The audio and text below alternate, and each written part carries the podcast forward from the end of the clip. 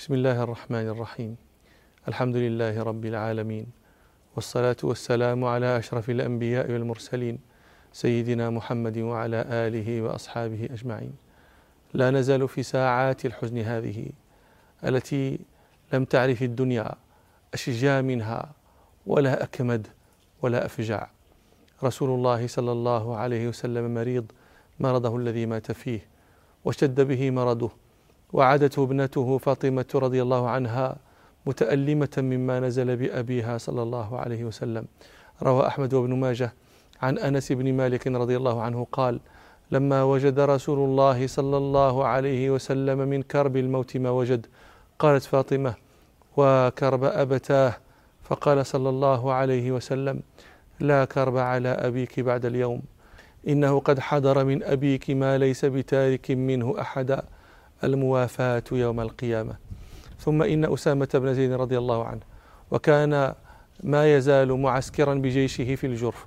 آه، الموضع الذي هو قريب المدينة.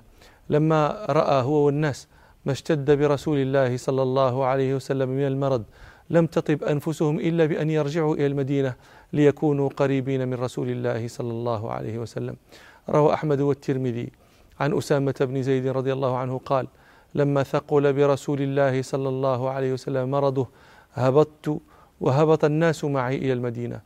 قال فدخلت على رسول الله صلى الله عليه وسلم وقد أصمت فلا يتكلم. قال فجعل يضع يديه علي ويرفعهما إلى السماء. يضع يده يديه علي ويرفعهما إلى السماء. قال فعرفت أنه يدعو لي. واشتد برسول الله صلى الله عليه وسلم مرضه فلم يخرج إلى الناس ثلاثة أيام. ثم خرج إليهم بعد ثلاث. فلا تسأل عن سرورهم برؤيته صلى الله عليه وسلم لكنه كان آخر سرور لهم به في حياته. روى البخاري ومسلم وأحمد وغيرهم. عن أنس بن مالك رضي الله عنه قال آخر نظرة نظرتها إلى رسول الله صلى الله عليه وسلم يوم الاثنين. لم يخرج إلينا رسول الله صلى الله عليه وسلم ثلاثا وكان أبو بكر يصلي بهم. في وجع رسول الله صلى الله عليه وسلم الذي توفي فيه. قال بينما المسلمون في صلاة الفجر لم يفجأهم إلا رسول الله صلى الله عليه وسلم كشف ستر حجرة عائشة فنظر إليهم وهم صفوف خلف أبي بكر ثم تبسم رسول الله صلى الله عليه وسلم ضاحكا. قال أنس فلما وضح لنا وجه رسول الله صلى الله عليه وسلم ما نظرنا منظرا قط كان أعجب إلينا من وجه النبي صلى الله عليه وسلم حين وضح لنا كأن وجهه ورقة مصحف. قال فبهتنا ونحن في الصلاة فهممنا أن نفتتن من الفرح بخروج رسول الله صلى الله عليه وسلم. قال ونكس أبو بكر على عقبيه ليصل الصف وظن أن رسول الله صلى الله عليه وسلم خارج للصلاة فأشار إليهم رسول الله صلى الله عليه وسلم بيده أن أتموا صلاتكم. ثم دخل رسول الله صلى الله عليه وسلم فأرخى الستر. فلما رأى الناس رسول الله صلى الله عليه وسلم ظنوا أنه قد برئ من وجعه حتى أقرب أصحابه إليه أبو بكر وعلي ظنا ذلك. روى البخاري أن علي بن أبي طالب رضي الله عنه خرج من عند رسول الله صلى الله عليه وسلم في وجعه الذي توفي فيه في اليوم الذي قبض فيه رسول الله صلى الله عليه وسلم على قول الزهري. فقال الناس يا أبا حسن كيف أصبح رسول الله صلى الله عليه وسلم؟ فقال علي أصبح بحمد الله بارئا. وروى ابن إسحاق وابن سعد والبلاذري أن أبا بكر رضي الله عنه قال يا رسول الله إني أراك قد أصبحت بنعمة من الله وفضل كما تحب. واليوم يوم بنت خارجة أفآتها؟ فقال له صلى الله عليه وسلم نعم.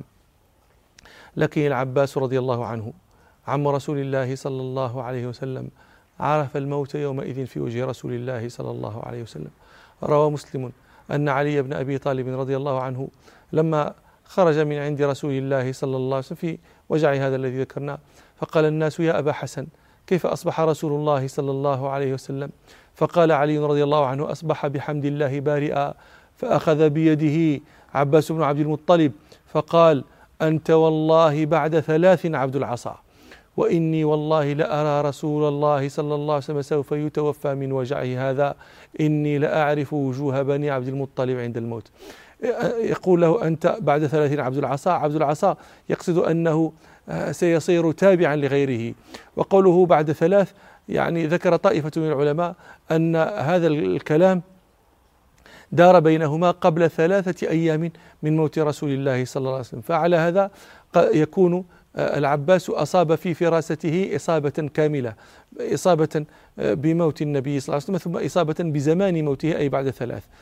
وقد يكون هذا الكلام دار بينهما في يوم موت رسول الله صلى الله عليه وسلم على قول الزهري فيكون العباس حينئذ أصاب في فراسته إصابة أصاب في فراسته بعض الإصابة ولم يكن أصاب الإصابة كلها. قاله أنت والله بعد ثلاث عبد العصا وإني والله لأرى رسول الله صلى الله عليه وسلم سوف يتوفى في وجعه هذا وإني لأعرف وجوه بني عبد المطلب عند الموت. وكذلك كان فإنه لما دخل رسول الله صلى الله عليه وسلم حجرة عائشة ثقل به المرض جدا. روى البخاري ومسلم وأحمد وغيرهم. عن عائشة رضي الله عنها قالت رجع رسول الله صلى الله عليه وسلم في ذلك اليوم حين دخل من المسجد فاضطجع في حجري. فدخل علي عبد الرحمن بن أبي بكر وفي يده سواك أخضر يستن به. قالت فنظر رسول الله صلى الله عليه وسلم إليه في يده نظرا عرفت أنه يحب السواك. فقلت يا رسول الله تحب أن أعطيك هذا السواك؟ فأشار برأسه أن نعم لا يستطيع صلى الله عليه وسلم الكلام. قالت فقلت أعطني هذا السواك يا عبد الرحمن. فأعطانيه فتناولته فاشتد عليه السواك صلى الله عليه وسلم. فقلت ألينه لك؟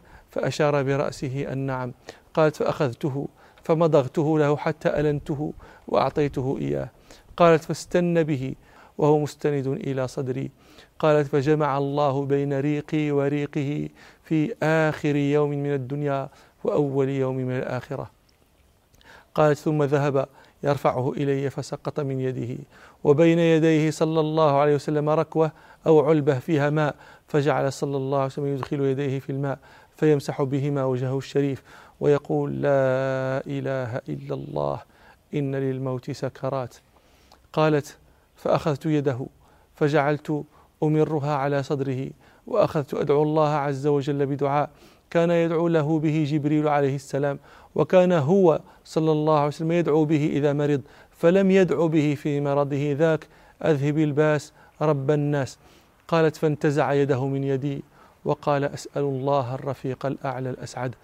قالت وكان رسول الله صلى الله عليه وسلم وهو صحيح يقول إنه لم يقبض نبي قط حتى يرى مقعده من الجنة ثم يخير. قالت فلما نزل به ورأسه على فخذي غشي عليه ووجدت رسول الله صلى الله عليه وسلم يثقل في حجري. قالت فذهبت أنظر في وجهه فإذا بصره قد شخص إلى سقف البيت ثم نصب يده فسمعته يقول وأخذته بحة شديدة مع الذين أنعم الله عليهم من النبيين والصديقين والشهداء والصالحين وحسن أولئك رفيقا. اللهم اغفر لي واجعلني مع الرفيق الأعلى. قالت فقلت إذا لا يختارنا. وعرفت أنه الحديث الذي كان يحدثنا وهو صحيح. قالت فكان آخر كلمة تكلم بها. اللهم الرفيق الأعلى. وفاضت نفسه صلى الله عليه وسلم. ومالت يده قالت ومال رأسه نحو رأسي فظننت أنه يريد من رأسي حاجة فخرجت من فيه نطفة باردة فوقعت على ثغرة نحري. قالت فاقشعر لها جلدي فقبضه الله وإن رأسه لبين نحري وسحري.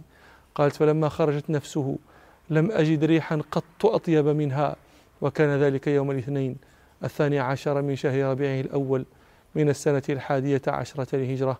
وعمره صلى الله عليه وسلم ثلاث وستون سنة.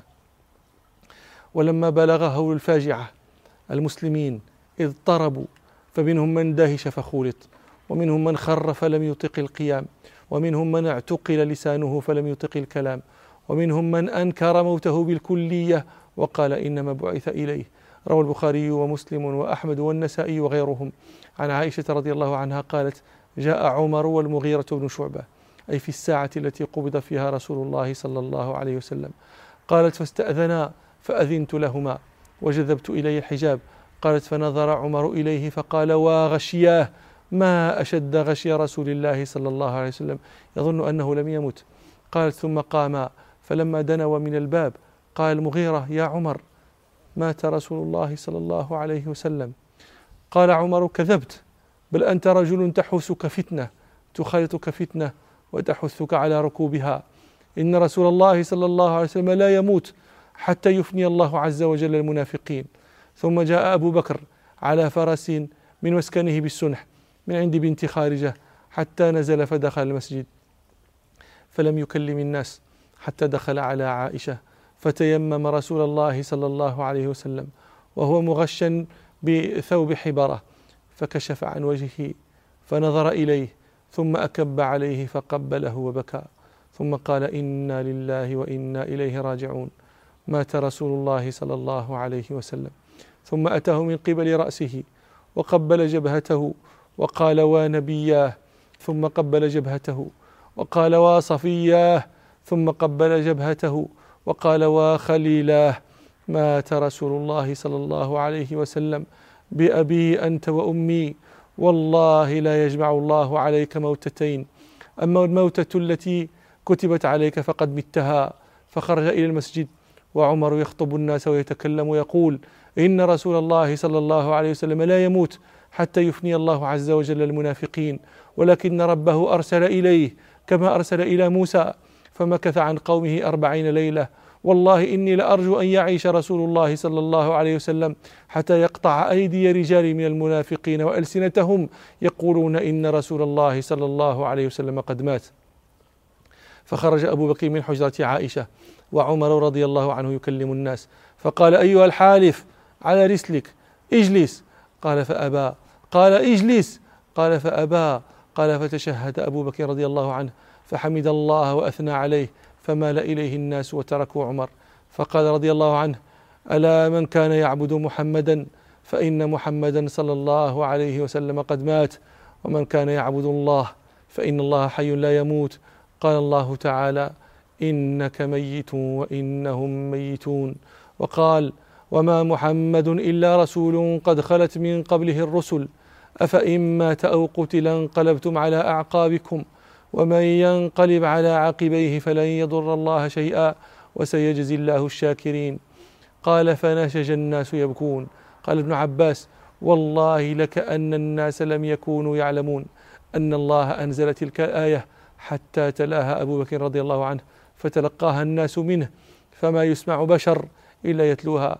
قال عمر فلكأني لم أقرأها إلا يومئذ والله ما هو إلا أن سمعت أبا بكر تلاها. فعقرت حتى ما تقلني رجلاي وحتى أهويت إلى الأرض حين سمعته تلاها. علمت أن رسول الله صلى الله عليه وسلم قد مات. وإن لله وإنا إليه راجعون.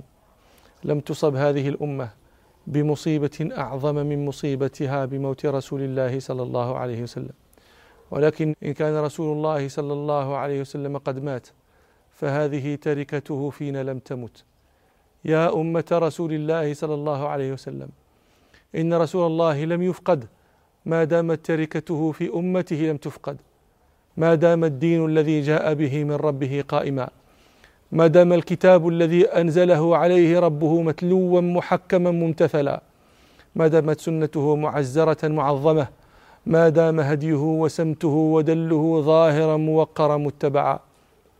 فإن فقد ذلك فحينئذ فقد رسول الله صلى الله عليه وسلم فعلى الدنيا العفاء فهذه تركته صلى الله عليه وسلم فلينظر امرؤ كيف يخلف رسول الله صلى الله عليه وسلم في تركته فإن لنا يوما سنسأل فيه عن ذلك وأي يوم؟ فنسأل ربنا سبحانه أن يسلك بنا سبيل الرضا التي تلقينا حسن العرض عليه سبحانه وجميل اللقاء برسوله صلى الله عليه وسلم في القيامة. آمين آمين آمين. سبحانك اللهم وبحمدك أشهد أن لا إله إلا أنت أستغفرك وأتوب إليك والحمد لله رب العالمين.